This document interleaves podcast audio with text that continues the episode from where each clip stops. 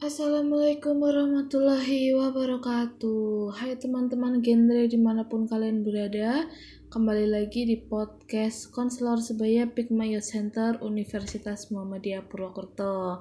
Dan pada podcast kali ini akan dibawakan oleh saya Titi Mariana sebagai anggota dari Divisi Konselor Sebaya Pikmayo Center UMP pada kesempatan kali ini, kita akan berbicara mengenai hal yang mungkin sering dirasakan oleh teman-teman, sering dialami oleh teman-teman, dan mungkin teman-teman resah akan hal ini, yaitu mengenai overthinking.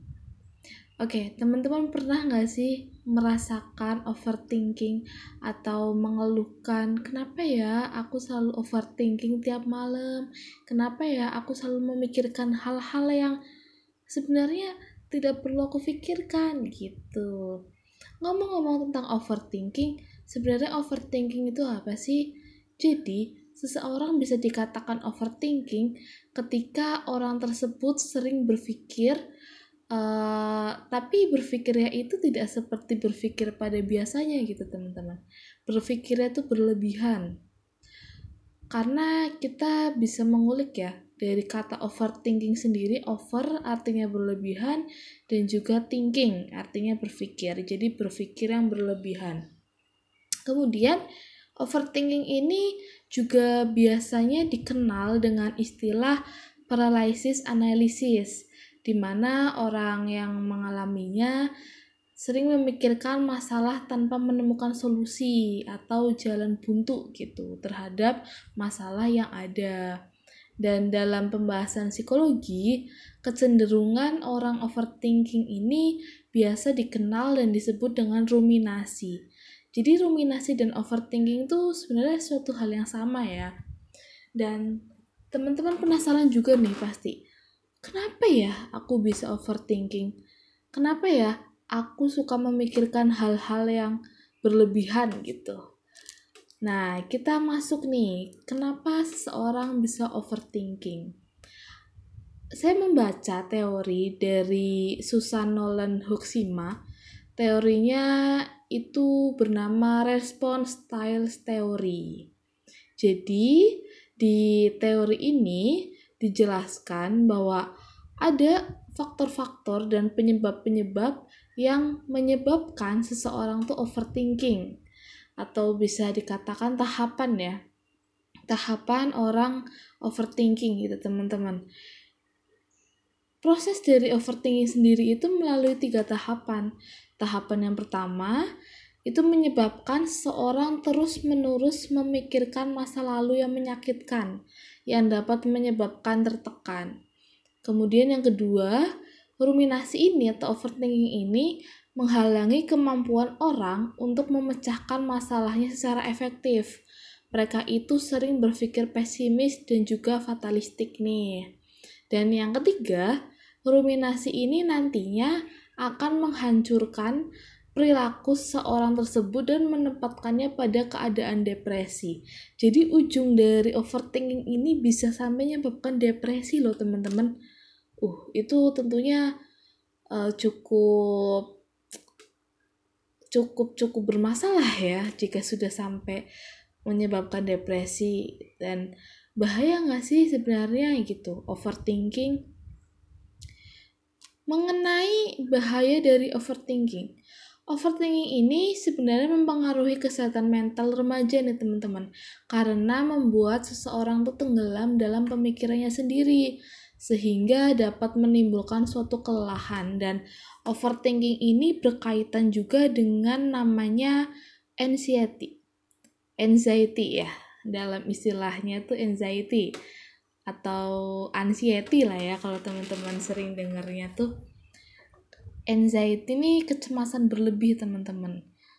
Kecemasan berlebih ini timbul itu karena kita juga sering overthinking, kita merasa cemas akan sesuatu yang mungkin tidak akan terjadi, itu hanya pemikiran dan asumsi belakang kita aja.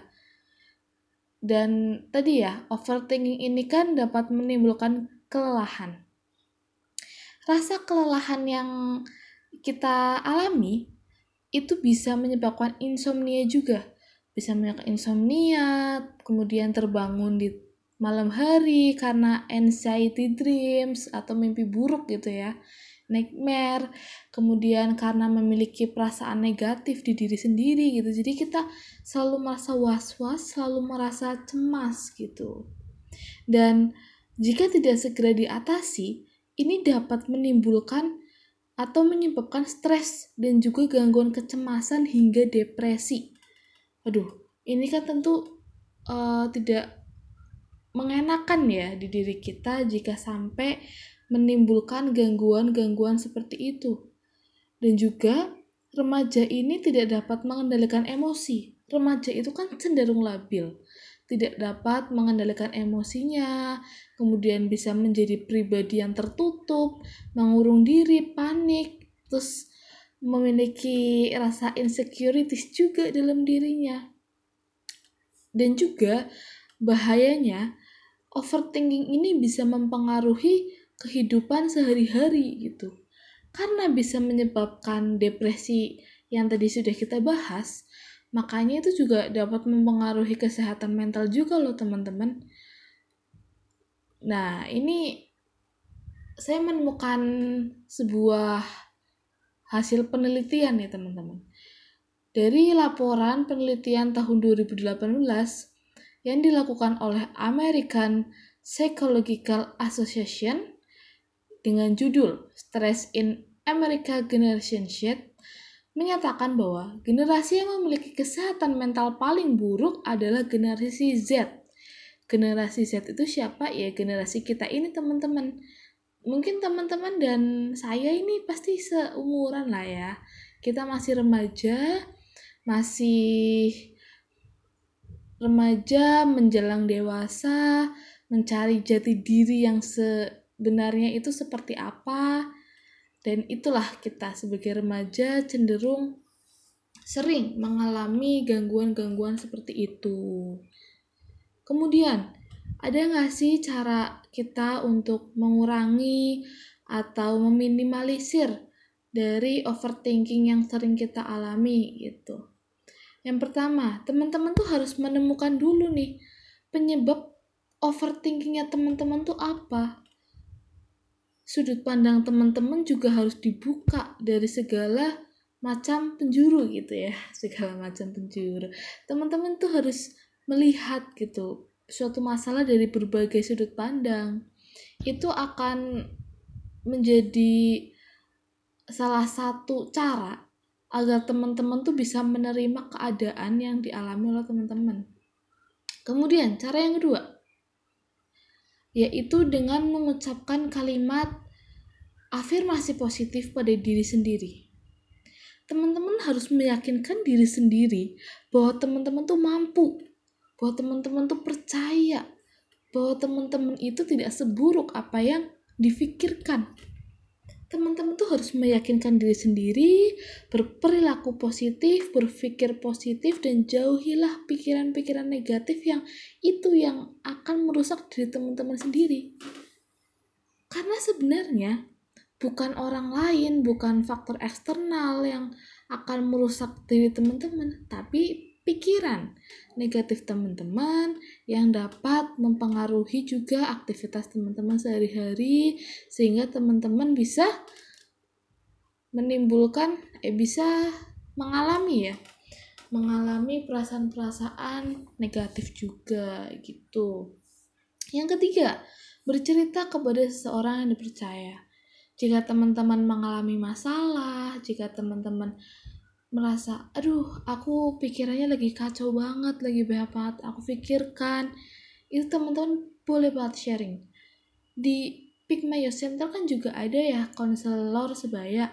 Teman-teman tuh boleh juga cerita ke kita apa sih yang teman-teman hadapi.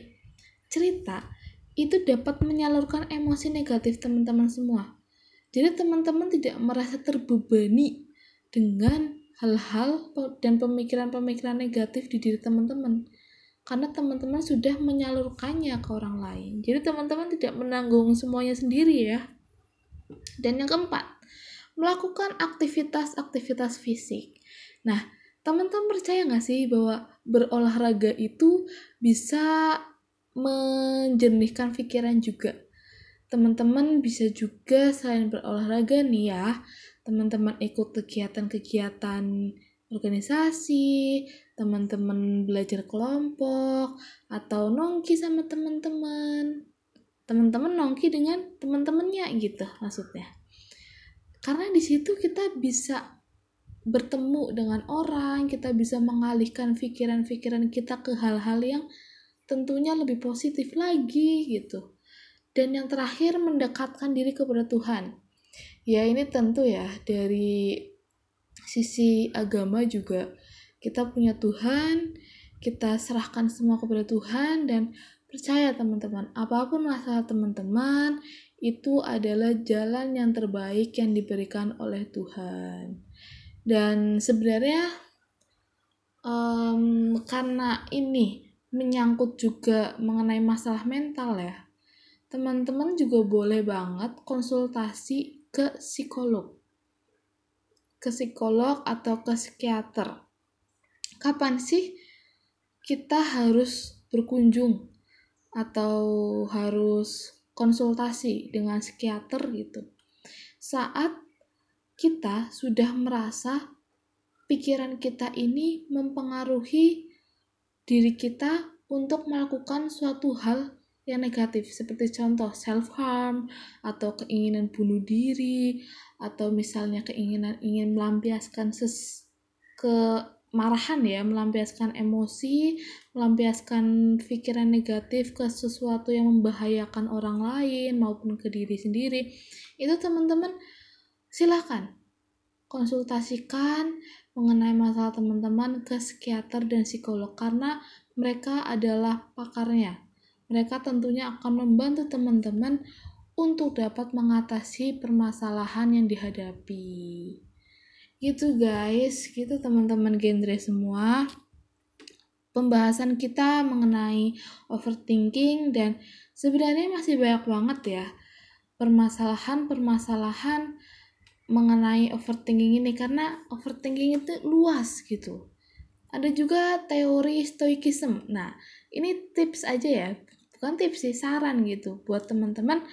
Silahkan pelajari namanya teori Stoicism itu di YouTube banyak, di Google banyak, di internet banyak. Silahkan search. Karena kemarin saya mempelajari dan mendengarkan mengenai teori tersebut, mengenai stoicism tersebut, dan itu membuat saya paham bahwa pemikiran saya ini tidak selalu benar gitu. Pemikiran saya ini bahkan yang akan menjerumuskan saya ke sesuatu yang negatif.